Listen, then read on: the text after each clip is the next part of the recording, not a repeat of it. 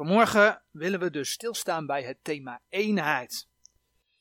En de volledige titel die luidt De eenheid van het geloof.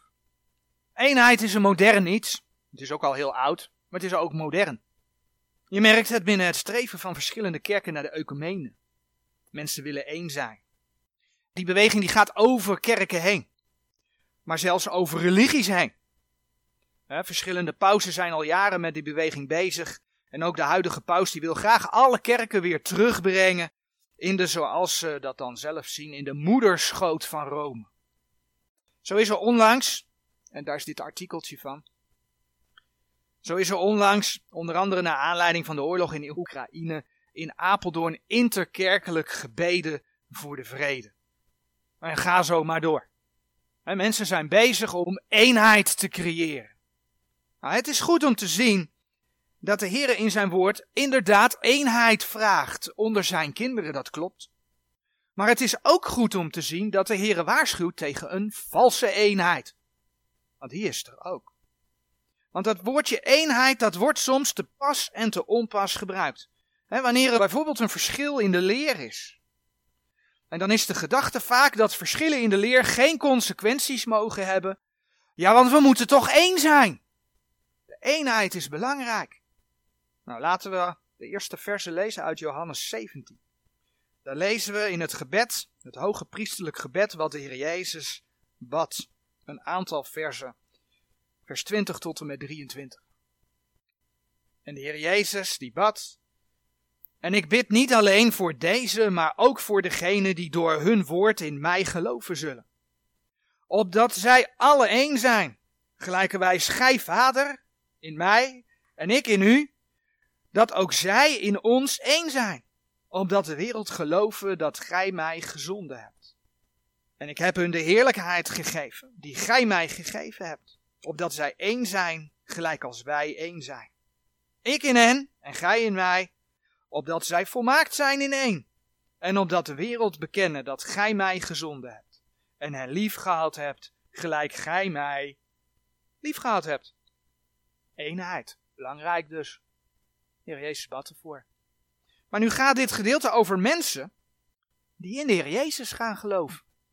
En van hen staat geschreven, we lazen dat net, dat ook zij in ons één zijn. Het gaat helemaal niet over rooms-katholieken en protestanten, of wat voor een groepering dan ook. Vul er maar eentje in. Als mensen tot geloof komen in de Heer Jezus, dan worden ze door de Heilige Geest, en daar hebben we bij wedergeboorte stilstonden, toen we bij de gemeente stilstonden, uitgebreid bij stilgestaan, maar we gaan het vers opzoeken in 1 Korinthe 12 vers 13, dan worden zij door de Heilige Geest ingedoopt in het lichaam van de Heer Jezus. 1 Korinthe 12 vers 13. Want ook wij allen zijn door één geest tot één lichaam gedoopt. Het zij Joden, het zij Grieken, het zij dienstknechten, het zij vrije. En wij zijn allen tot één geest gedrenkt. Tot één lichaam gedoopt. Dan ben je dus door de wedergeboorte, net als man en vrouw in een huwelijk, ben je één met de Heer. 1 Korinthe 6 vers 17 spreekt dat ook heel duidelijk uit. Dan ben je één met de Heer. Maar ook één met elkaar. Dat is de eenheid waar de Heer het over heeft. Nou, die eenheid die de Heer wil, die kan nooit gebruikt worden om naar consensus te streven. En om het samen zijn van een grote groep mensen te plaatsen boven het belang van de verkondiging van de waarheid. Waarom zou de de gelovigen te Perea prijzen omdat zij dagelijks de schriften onderzochten of de verkondigde boodschap daar wel mee overeenkwam? Lees je in Handelingen 17 vers 11. Waarom zou Paulus aan Timotheus geschreven hebben wat we in, en dat zoeken we op, 2 Timotheus 3 vers 13 en 14 lezen? 2 Timotheus 3 vers 13 en 14. Doch de boze mensen en bedriegers zullen tot erger voortgaan, verleidende en wordende verleid. Maar blijf gij in hetgeen gij geleerd hebt en waarvan uw verzekering gedaan is, wetende van wie gij het geleerd hebt. Er zijn blijkbaar boze mensen en bedriegers. Maar blijf gij bij hetgeen gij geleerd hebt. En waarom zou Paulus vervolgens aan Timotheus de versen 2 Timotheus 4 vers 1 tot en met 5 geschreven hebben? Dat gaan we ook lezen. Een paar versen verder, 2 Timotheus 4 vanaf vers 1. Ik betuig dan voor God en de Heer Jezus Christus, die de levende en dode oordelen zal in zijn verschijning en in zijn koninkrijk. Predik het woord. Houd aan tijdiglijk, ontijdiglijk. Wederleg, bestraf, vermaan in alle langmoedigheid en leer. Want er zal een tijd zijn wanneer zij de gezonde leer niet zullen verdragen. Maar ketelachtig zijnde van gehoor, zullen zij zichzelf leraars opgaderen naar hun eigen begeerlijkheden. En zullen hun gehoor van de waarheid afwenden. En zullen zich keren tot fabelen. Maar gij, wees wakker in alles. Leid verdrukkingen. Doe het werk van een evangelist. Maak dat men van uw dienst ten volle verzekerd zij. Waarom? Nog zo'n vraag. Waarom zou een ouderling moeten vasthouden aan het getrouwe woord dat naar de leer is? Dat vind je in Titus 1 vers 9. Het is klaarblijkelijk van belang om bij de gezonde leer, op basis van het woord van God, hè, zoals dat in 2 Timotheus 3 vers 15 genoemd, op basis van de heilige schriften te blijven. Daarin geleerd te worden. Maar ook, en dat hebben we net gelezen, bestraft en vermaand te worden. En dat is heel wat anders dan alles maar goed vinden om de eenheid te bewaren. Er bestaat dan ook een streven naar een valse eenheid. Het gaat dus niet om het bij elkaar brengen of, als je in een bestaande gemeentesituatie zit, het bij elkaar houden van verschillende groepen of verschillende meningen. Nou, laten we naar een paar voorbeelden kijken waarmee de Heer in zijn woord aantoont dat er inderdaad sprake kan zijn van een verkeerde eenheid. Het eerste vers wat we opzoeken vinden we in Spreuken. Spreuken 11, vers 21. Spreuken 11, vers 21. Hand aan hand zal de boze niet onschuldig zijn, maar het zaad der rechtvaardige zal ontkomen. Het gaat me even om het eerste gedeelte. Hand aan hand zal de boze niet onschuldig zijn. Om sterker te staan en boze plannen te kunnen smeden, zie je dat de boze de handen ineen slaat.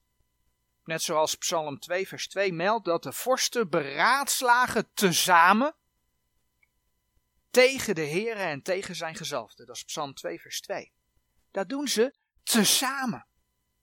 Net zoals Pilatus en Herodes, die vijanden van elkaar waren, dat er van hen geschreven staat dat zij op de dag van de kruisiging van de Heer Jezus met elkaar bevriend raakten. Dat lees je in Lucas 23, vers 12.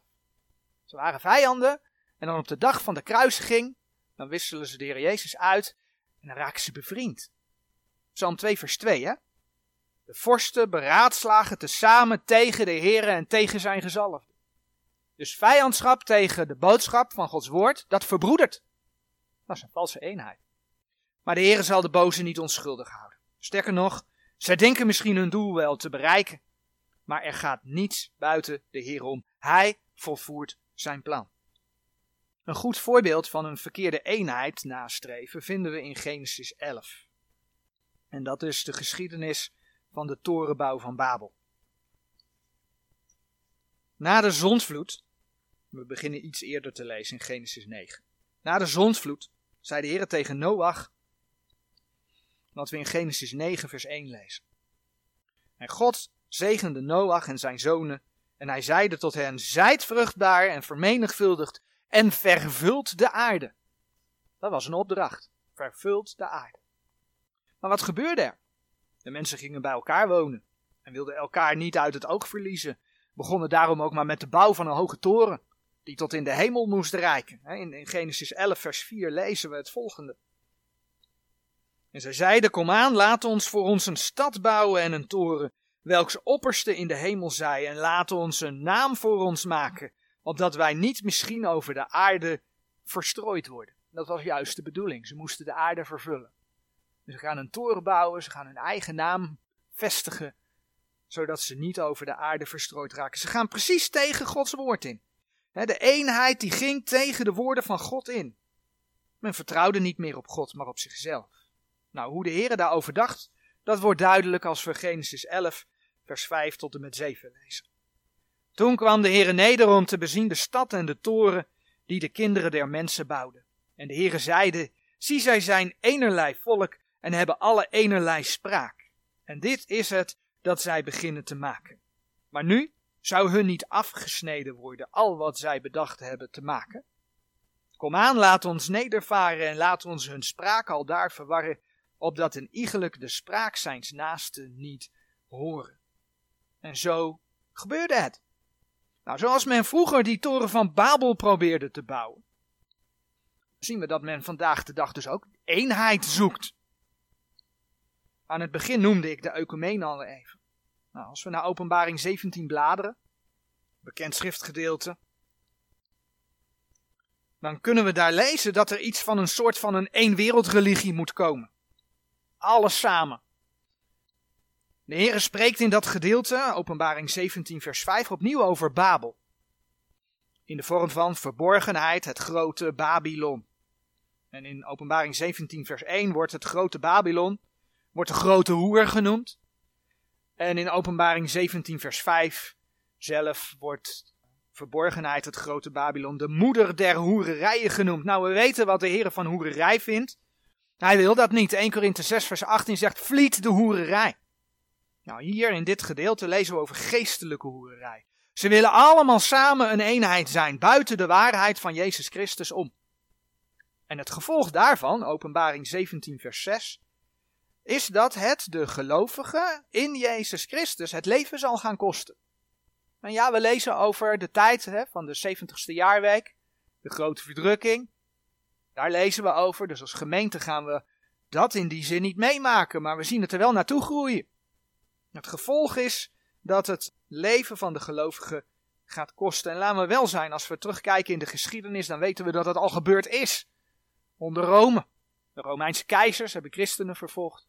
Maar de Rooms-Katholieke Kerk heeft vele mensen die zich aan Gods woord wilden vasthouden en niet bogen voor de traditie, ter dood gebracht. Het is allemaal gebeurd. En dat zal dus in de nabije toekomst in het antichristelijke rijk weer gaan gebeuren. Die geestelijke hoererij, de Heer wil dat niet, dat is de Heer een gruwel. En hij gaat ermee afrekenen. Het einde van Babylon, dat vind je in openbaring 18, 18 nou, vers 2, beschreven. Maar de Heere vindt eenheid wel belangrijk. Hoe moeten we dat zien? In elk geval dus niet als het samenbrengen van diverse stromingen en religies. Laten we ons verre houden van geestelijke hoererij. Begin dit jaar heb ik dit schema, wat op de dia te zien is, heb ik al laten zien. En ik heb toen laten zien hoe je de bijbelgelovige gemeente plaatst tegenover eigenlijk alle andere stromingen. Zogenaamd christelijke stromingen, maar ook wel christelijke stromingen. En we hebben ook gezien, want als je dit op het eerste gezicht zou zitten, zeg je nou, dat is hoogmoedig, hè? Bijbelgelovigen even netjes apart in een blokje ernaast plaatsen. En dat zijn wij dan wel. Maar dit schema is gebaseerd op feiten. Want de Bijbelgelovigen, die kijken als enige naar de belofte in Psalm 12, vers 7 en 8, dat God zijn woord bewaard heeft. En kijken niet, als ze de Bijbel willen uitleggen naar Grieks en Hebreeuws, kijken niet, en dat leidt niet tot al die nieuwe vertalingen die ze in die kringen eigenlijk allemaal aanhangen. Daar is gewoon een verdeling. En ja, er zijn kerken in Nederland, geformeerde gemeenten, de hersteld hervormde kerk, niet allemaal, alle gemeentes daarvan, maar wel een groot deel heb ik me laten vertellen. Die ook de Statenbijbel aanhangen. De Statenbijbel leren.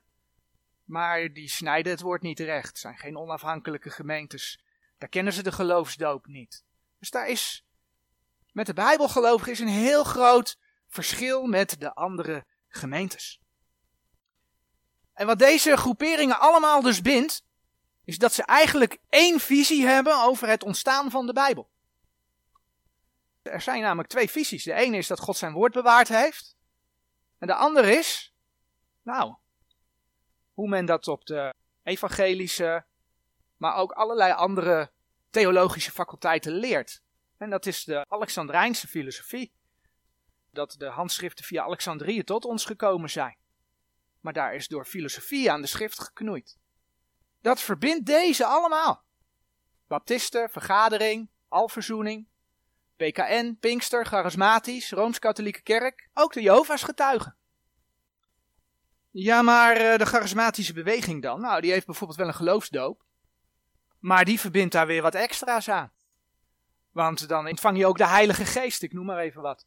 En zo zijn er soms meer redenen waarom mensen zich dan laten dopen. Maar dat is een toevoeging aan wat de schrift zegt. Deze hebben gemeen dat ze geen Statenbijbel volgen, dat ze de schriftkritiek volgen. En wat je ook ziet gebeuren, dat zie je zelfs in de vergadering doordringen. Doordat de vergadering, een deel van de vergadering, op de toer van de charismatische beweging is. Hang naar de ecumene. Kom je iemand uit een evangelische gemeente tegen en die heeft ook een portret van de paus met een kaarsje ervoor aan de muur hangen. Hang naar ecumene. Hang naar teruggaan naar de moederschoot van Rome. Dat is wat veel mensen drijft op dit moment. Ik heb dit plaatje toen laten zien. Hij is ondertussen trouwens enigszins aangepast. Deze tekst heb ik ernaast gezet, heb ik toen wel toegelicht, maar heb ik er nu bij staan. Inhoudelijk is het plaatje niet echt veranderd. Ik heb dat plaatje toen laten zien om aan te tonen dat de bijbelgelovige gemeenten weliswaar apart staan. Maar dat zij daarmee niet de ene ware gemeente van de Heer is of zo. Hè? Want dat doen sommige kerken. Jehovah's getuigen ook. Wij zijn de kerk. Nee, daar gaat het helemaal niet om. Want een ieder die de Jezus heeft aangenomen, is kind van God. Dat betekent dat de ware gemeente, en die geef ik dan weer met die cirkel, eigenlijk door alle gemeentes heen gaat. Waarom heb ik de Jehovah's getuigen helemaal buiten die cirkel gezet? Heel bewust. Omdat de Jehovah's getuigen geen wedergeboorte leren. Dus door de leer van de Jehovah's getuigen word je geen kind van God. Rooms-Katholieke kerk heb ik er ook buiten gezet. Er zijn Rooms-Katholieken die toch in hun kerk blijven. En die wel de Heer Jezus geloven dat hij voor hun gestorven is. Ik kan het me bijna niet voorstellen dat je dan in die Rooms-Katholieke kerk blijft zitten. Maar ze zijn er. En zo komen wederom geborenen in, ja, laat ik het zo zeggen, in veel kerken voor. Dus die gemeente gaat door alle kerken heen. Waarom heb ik het blokje van de Bijbelgelovigen nagenoeg helemaal in die cirkel geplaatst? Omdat Bijbelgelovigen erop gericht zijn. Neem de Heer Jezus aan als je persoonlijke verlosser. Dat zit in de verkondiging helemaal verwerkt. Er wordt gepreekt over zonde. Nou, als je in de wereld leeft, dan wil je niet iedere zondag geconfronteerd worden met het feit dat je in zonde leeft. Dus de prediking zorgt ervoor dat mensen daar vaak dan niet zo lang blijven hangen. Als je toch geen keus maakt. En ja, een klein puntje is buiten die kring, want ook binnen bijbelgelovige gemeenten kom je tegen dat er meelopers zijn. Mensen die niet echt hun leven aan de Heer hebben gegeven. Het gebeurt. Het gebeurt. Wij als bijbelgelovigen geloven niet in de ecumene. Op basis van de schrift waarschuwen we tegen de ecumene. We kunnen op basis van de schrift geen eenheid tussen alle stromingen najagen. Dat kunnen we gewoon niet. Kan niet. Want dan ga je namelijk het menselijke een zijn verheffen tot wat iets wat belangrijker is dan het woord van God. Dat kan niet. En het punt is, daar kom ik zo bij. De vraag is, hoe kun je er nu voor waken dat de eenheid binnen een bijbelgelovige gemeente bewaard wordt? Dat is de vraag. Voor ons gaat het niet om de eenheid hier. Voor ons gaat het om de eenheid hier. Binnen de bijbelgelovige gemeente. Nou, het punt is dat die eenheid bepaald wordt door wat er geloofd wordt op basis van de schrift. Vandaar ook de titel, de eenheid van het geloof. Als gemeente zijn we een kudde schapen. Een kudde schapen met een herder. De herder hebben we toen we bij de gemeente stilstonden, hebben we bij stilgestaan. Dat is de voorganger. En die herder, volgens 1 Petrus 5 vers 2, laten we er naartoe bladeren, want dat gaan we zo toch lezen. Die voedt de kudde. 1 Petrus 5. En die kudde, die volgt de herder, als het goed is. Want, zegt 1 Petrus 5 vers 3, die herder is een voorbeeld voor de kudde. Dat is dus beeldspraak die de Heere voor een lokale gemeente geeft. Nou, laten we 1 Petrus 5 vers 2 lezen. Dat zegt, wij de kudde gods die onder u is, hebben de opzicht daarover niet uit bedwang, maar gewilliglijk, nog om vuil gewin, maar met een volvaardig gemoed. Wijd de kudde gods. En uiteindelijk staan ze samen, hè, de kudde en de herder, gezamenlijk onder, 1 Petrus 5 vers 4 noemt dat, onder de overste herder, Jezus Christus. Hij is de overste herder. Nou, waar komen we die herder ook tegen? Die herder komen we ook tegen in Efeze 4, vers 11. Efeze 4, vers 11, waar we geschreven vinden dat de Heere de gemeente onder andere de gaven, sommige tot evangelisten en sommige tot herders en leraars gegeven heeft. En ik laat expres, daar hebben we eind vorig jaar bij stilgestaan, ik laat expres de profeten en de apostelen even achterwege, omdat zij geen gaven zijn voor deze tijd. Maar die herders en leraars, die zijn er. En de evangelisten ook. die worden in Efeze 4, vers 11 genoemd. Efeze 4, vers 12. Tot de volmaking der heiligen, tot het werk der bediening, tot opbouwing van het lichaam van Christus. Daar is dat voor. De individuele gelovigen moeten dus opgebouwd worden. Opgebouwd worden door de voeding die ze krijgen. En dan volgt vers 13. En in vers 13 lezen we dan ook over de eenheid van het geloof. Totdat wij alle zullen komen tot de enigheid des geloofs. En der kennis van de Zonen Gods. Tot een volkomen man. Tot de mate van de grootte van de volheid van Christus. Die eenheid in het geloof heeft dus ook te maken met de kennis over de Heer Jezus Christus. Als je dan gaat kijken wat de Heer in Efeze 4, vers 4 tot en met 10 allemaal laat zien, dan gaat dat over dat er één lichaam is. Dat er één geest is. Dat er één hoop is. Dat er één Heer is. één geloof, één doop, één Vader. Maar ook wordt de weg beschreven die de Heer Jezus voor de mensen gegaan is, vers 8 tot en met 10. Dat is allemaal leerstellig. En zoals we eerder zagen in 2 Timotheus 4, vers 1 tot en met 5, moest Timotheus aanhouden in onder andere het leren, bestraffen, vermanen, op grond van de heilige schriften, om zo bij de gezonde leer te blijven. En kijk in Efeze 4, vers 14, waarvoor de gemeente dan beschermd is. Weet gezegd, waar tegen de gemeente dan beschermd is. Efeze 4, vers 14. Opdat wij niet meer kinderen zouden zijn die als de vloed bewogen en omgevoerd worden met alle wind der leer, door de bedriegerij der mensen, door arglistigheid om listiglijk tot dwaling te brengen. Als je gevoed wordt als je groeit door de gezonde leer, dan ben je beschermd tegen alle wind der leer. En dat is dus klaarblijkelijk die eenheid van het geloof. Dat is waar we als bijbelgelovige gemeente in de eerste plaats voor moeten staan. Daar gaat het om. Daarom spreekt Titus 1 vers 3 over het gemeen geloof. Titus 1 vers 3, daar kun je dat vinden. Daar wordt gesproken over het gemeen geloof. Dat is het gemeenschappelijk geloof. Dus als bijbelgelovende gemeente zijn we een kudde schapen met een herder. En dan komt hij, geen dierentuin. Waar misschien één schaapje loopt en verder apen, leeuwen, tijgers, wolven. Nee, het is een kudde schapen. En misschien nog wel meer dieren. Zoals ze in sommige gemeentes dat heel letterlijk opvatten, omdat ze lopen te kukelen door de samenkomst heen als bewijs zogenaamd dat ze vervuld zouden zijn met de Heilige Geest. Daar kun je geen eenheid van geloof mee hebben. Kom ik zo nog even op terug. Daar heeft de herder dus een taak in. Enerzijds door te voeden, anderzijds door te beschermen. Bijvoorbeeld zoals we begin dit jaar in een prediking zagen, tegen wolven, wolven van buitenaf, wolven van binnenuit. Handelingen 20, vers 28 tot en met 31. Als we naar dat schema kijken, dan zien we die wolk. Die wolk van een explosie. Tussen de grote groep die de ecumenen nastreeft, die al die nieuwe vertalingen aanhangt. En die wolk van die explosie dus tussen die grote groep, het grote kamp zeg maar, en de bijbelgelovige gemeente. Die explosie, die staat voor strijd die er is tussen beide groepen. Nu zijn christenen geneigd om te zeggen, ja maar we moeten de eenheid nastreven, er mag geen strijd zijn.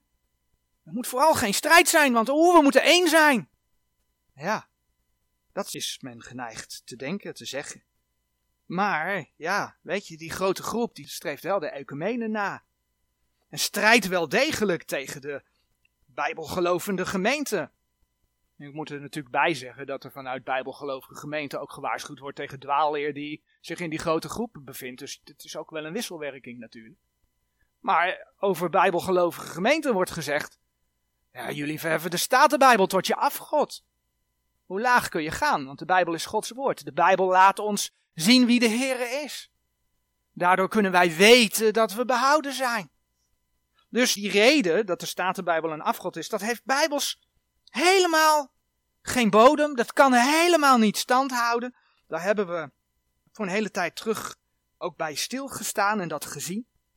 Maar doordat men met zo'n reden schermt, en daarin zie je de strijd, kan het er wel voor zorgen dat mensen bij die boodschap wegblijven, want zij hebben een afgod. Daar willen we niks mee te maken hebben. En zo wordt strijd gevoerd. Mensen blijven in de traditie hangen. Daardoor. Wanneer je individueel, als voorganger, als gemeente, voor de bijbelgelovige boodschap staat, maar dat ook uitdraagt, dus niet voor jezelf houdt, krijg je op de een of andere manier met strijd te maken.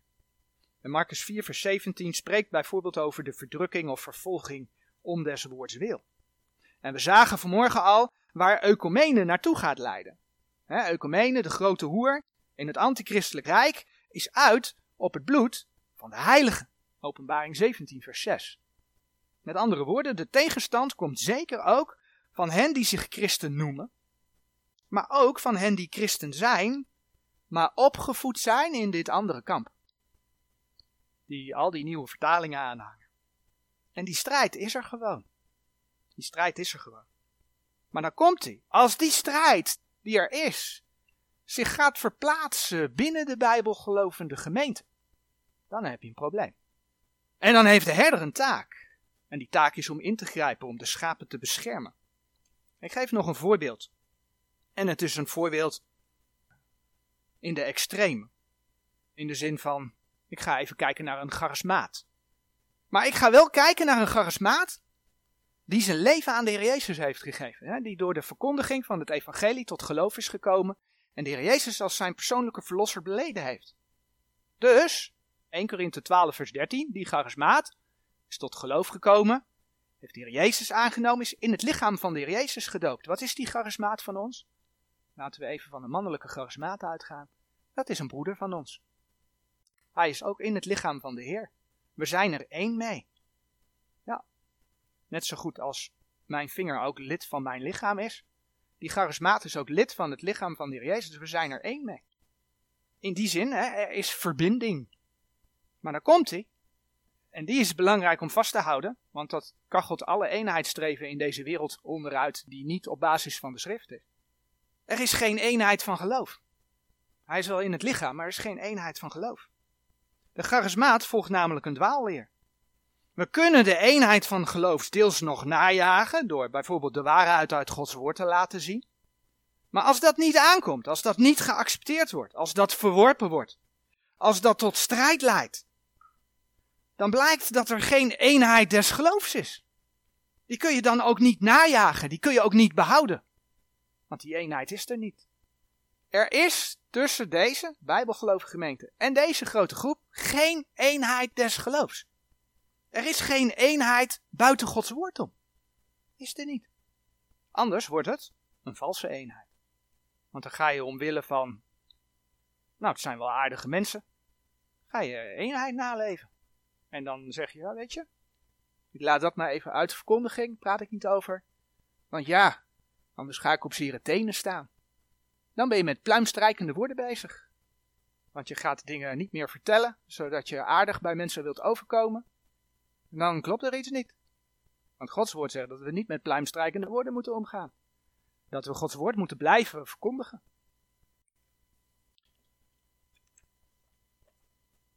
Betekent dat dan dat er helemaal niemand in een bijbelgelovige gemeente mag zitten die het bijvoorbeeld eh, niet helemaal eens is, niet helemaal eens, hè, let op mijn woorden, niet helemaal eens is met de boodschap die gebracht wordt. En dan laten we dan over basisdingen hebben, als dat de Statenbijbel het woord van God is, dat we het woord recht moeten snijden, uh, dat we schrift met schrift moeten vergelijken, de geloofsdoop, dat soort dingen. Moet iedereen die hier zit dan met al die punten helemaal eens zijn? Nee, absoluut niet. Nee, echt niet.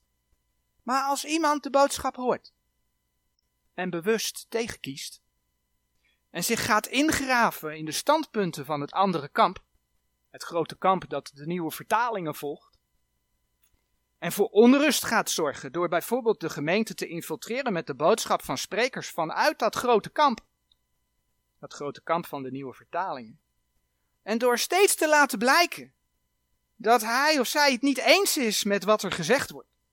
Ja, weet je, dan is het tijd voor de herder om de kudde te beschermen, zodat die explosie die zich buiten de gemeente bevindt, die strijd, dat die niet in de gemeente gaat belanden.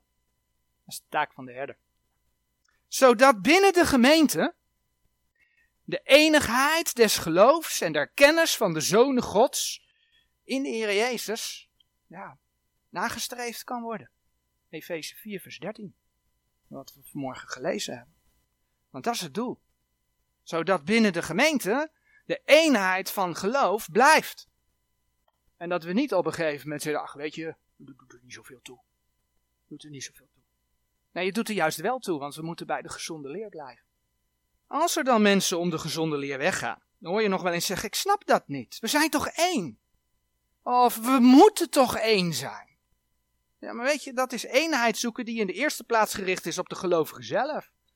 Dat je mensen, als, als mensen, ondanks de verschillen, toch maar één blijft. Maar dat is wat anders dan de enigheid des geloofs. je kunt namelijk pas één zijn als je die enigheid des geloofs en der kennis van de Zonen Gods in de Heer Jezus samen kunt beleiden. Dan kun je één zijn. De strijd die er is, weergegeven door die explosieve wolk tussen die twee kampen. De strijd die er is, die wil de herder dus niet binnen de lokale bijbelgelovende gemeente. Als de herder dat wel toelaat, dan laat hij krachten toe, en ik noem het bewust krachten, dan laat hij krachten toe die tegen de enigheid des geloofs zijn. En die vaak op de een of de andere manier een verkeerde eenheid voorstaan. Maar dan krijg je het punt, hè. Als de basis goed is, ja, ook onder bijbelgeloven zijn, zijn kleine verschillen. Dat komt voor. En ja, ook onder bijbelgelovigen, want bijbelgelovigen zijn gewoon mensen. Gewoon mensen die uh, zo af en toe ook last hebben van hun zondige natuur. Dus er komen ook oneenigheden voor. Hoe ga je daar dan mee om? Laten we naar Efeze 4, de eerste drie versen kijken. Zo bid ik u dan, ik, de gevangene in de Here, dat gij wandelt waardiglijk de roeping met welke gij geroepen zijt. Alle ootmoedigheid en zachtmoedigheid, met langmoedigheid, verdragende elkander in liefde, u benaarstigende te behouden de enigheid des geestes door de band des vredes. Vers 3 nog een keer, u benaarstigende te behouden de enigheid des geestes door de band des vredes. Dus je wordt hier als gelovige opgeroepen om je te benaarstigen en naar te ijveren. En naar te streven om de enigheid des geestes te behouden, in dit geval door de band des vredes. In dezelfde context wordt dus gesproken over de gemeente die leert, als je de versen door gaat lezen, en zo de enigheid des geloofs bereikt. dat was Efeze 4, vers 13. Nou, als je daar dus waakzaam op bent, moet je erop toezien om inderdaad onderling ook de band des vredes te handhaven. Als wederomgeborene ben je met de Here verzoend. In 2 Korinthe 5 vers 18, daar staat bijvoorbeeld geschreven, 2 Korinthe 5 vers 18, en al deze dingen zijn uit God, die ons met zichzelf verzoend heeft door Jezus Christus en ons de bediening der verzoening gegeven heeft. Dat betekent dat je vrede hebt met de Heere God. En wat wil de Heere God dus? Dat je die vrede die je hebt met de Heer ook onderling bewaart. Ja, dat komt heel dichtbij. Dat geldt als je bijvoorbeeld getrouwd bent binnen je huwelijk. Ik bedoel, het komt voor dat je het niet altijd eens bent met elkaar. Het komt voor dat er woorden vallen. Hoe ga je daar dan mee om? Nou, het is de bedoeling dat je streeft naar de band des vredes. Om dat te handhaven. En ga je een bepaalde grens over, ja, dan is dat dus zonde. En dan ga je dat beleiden. Beleiden ten opzichte van elkaar, beleiden ten opzichte van de Heer. Om weer bij die band des vredes terug te komen. En de Heer zegt niet voor niets in Efeze 4, vers 32. Dat wij moeten zijn vergevende elkander. Vergevende elkander. Ja, zo is het dus binnen het huwelijk, als gelovige, maar ook binnen de gemeente. Soms moet je je benaarstigen, je moet er naar ijveren om die enigheid des geestes ja, door de band des vredes te bewaren of terug te krijgen. Durf je bijvoorbeeld sorry te zeggen? Durf je om vergeving te vragen op het moment dat je weet dat je iets verkeerd gedaan hebt ten opzichte van een broeder of zuster. Of dat je iets gedaan hebt wat je misschien niet zo bedoeld hebt, maar wat wel zo overgekomen is. En dat is moeilijk. Dat is heel moeilijk. Ik bedoel, ik ben vader, maar ik ben ook mens. Ik maak wel eens fouten tegenover mijn dochter. Ja, ik maak wel eens fouten tegenover mijn dochters. Maar dan is wel de stap, want anders dan snappen zij namelijk niet wat het inhoudt om vergeving te vragen, dat ook ik als vader kan aangeven, wat ik nou gedaan heb, dat klopt niet. Sorry. Wil je mij vergeven? Ik bedoel, ik leer mijn kinderen dat ze vergeving moeten vragen op het moment dat ze iets fout doen. Maar ja, ik ben ook mens. Dat is moeilijk. Tenminste, dat kan soms moeilijk zijn. Maar dat geldt dus ook binnen de gemeente. Het is de eerste stap richting het herstel van die band des vredes. In Efeze 4, vers 3 hebben we gezien dat er sprake is van die band des vredes, waardoor de enigheid des geestes behouden wordt. Zo komen we in Colossense. Hou de hand bij Efeze, want dan komen we zo terug. En dan komen we in Colossense 3, vers 14, nog een vers tegen, wat ook over een band spreekt. Colossense 3, vers 14 spreekt over, over een band der volmaaktheid. En dat heeft met de liefde te maken. We lezen het vers. En boven dit alles doet aan de liefde, de welke is de band der volmaaktheid. Nou, dat past heel mooi bij de enigheid des geloofs, waar in Efeze 4 over gesproken wordt. Want in Efeze 4 wordt gesproken over dat je door de enigheid des geloofs niet meer als de vloed bewogen en omgevoerd wordt met alle wind en leer. Dat is Efeze 4 vers 14. Want Efeze 4 vers 15 zegt, maar de waarheid betrachtende in liefde. Kijk, daar heb je die liefde. Maar de waarheid betrachtende in liefde alleszins zouden opwassen in hem die het hoofd is, namelijk Christus. De liefde heeft er dus ook alles mee te maken. En de liefde is net als de eenheid. Dus niet een aanpappen en nat houden met Jan en alle man. Want hier staat geschreven, de waarheid betrachtende in liefde. Liefde heeft met de waarheid voor Gods woord te maken. Dat blijkt bijvoorbeeld ook uit 1 Korinthe 13. Het bekende hoofdstuk wat vaak uit het verband getrokken wordt om alles maar goed te vinden. Maar ga dat hoofdstuk goed lezen en dan zie je dat het absoluut niet het geval is. Want 1 Korinthe 13 vers 6 zegt over de liefde. Zij verblijdt zich niet in de ongerechtigheid. Nou, ongerechtigheid is tegenovergestelde van de Heer God. Daar verblijdt zij zich niet in. Dus de liefde heeft helemaal niks met dingen waar de Heere God een gruwel aan heeft. Of die tegen de Heere God ingaan. Vervolg van het vers. Maar zij verblijdt zich in de waarheid. De liefde, en dat blijkt uit 1 Korinthe 13 vers 1 tot en met 8, is in jezelf wegcijferen om vanuit de waarheid, vanuit het geloof te kunnen leven. Heb je geduld met je broeder of zuster? Doe je dingen voor eigen gewin? Of doe je dingen voor een broeder of zuster? Al mag je volgens Gods woord eigenlijk alles eten. Maar je weet dat die broeder of zuster die langskomt daar moeite mee heeft. Met een bepaald iets. Laat het dan voor die broeder of zuster. Houd rekening met die broeder of zuster. En als je dingen over een broeder of zuster weet, ga je dat dan aan de grote klok hangen? Of praat je er niet over? Hou je het voor je dat het veilig is tussen jou en die broeder en zuster? En stel de herder neemt een beslissing die je niet helemaal kunt volgen. Word je dan boos en verdrietig? Of accepteer je dat er soms redenen kunnen zijn waarom die beslissing anders is dan je gedacht hebt? En weet je, zo zijn er vele voorbeelden meer te noemen. En de vraag is eigenlijk niet eens: kun je jezelf wegcijferen? Maar cijfer je jezelf weg. Want het doet aan de liefde. Dat is heel gewone opdracht. De Heer vraagt het gewoon van ons: doet aan de liefde. Net als bij de band des vredes, mag je die band der volmaaktheid, hè, wat dus met liefde te maken heeft, mag je benaarstigen. Je mag er naar ijveren, je mag er naar jagen. Ja, en wil je verder groeien? Dan komen we nogmaals bij Efeze 4, vers 15. Dan begint het bij jezelf wegcijferen. Efeze 4, vers 15 zegt nogmaals, maar de waarheid betrachtende in liefde alleszins zouden opwassen in hem, die het hoofd is, namelijk Christus maar de waarheid betrachten in, liefde, alleszins zouden opwassen, opwassingsgroeien. Dat deze boodschap hopelijk duidelijk heeft mogen maken.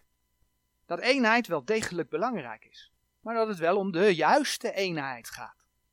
Dat het niet om een valse eenheid gaat. Hè? Het begint niet bij geestelijke hoerij.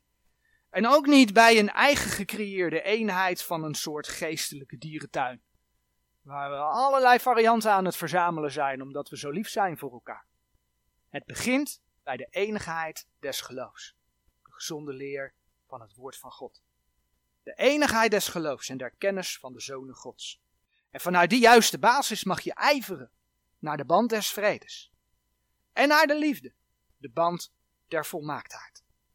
Amen.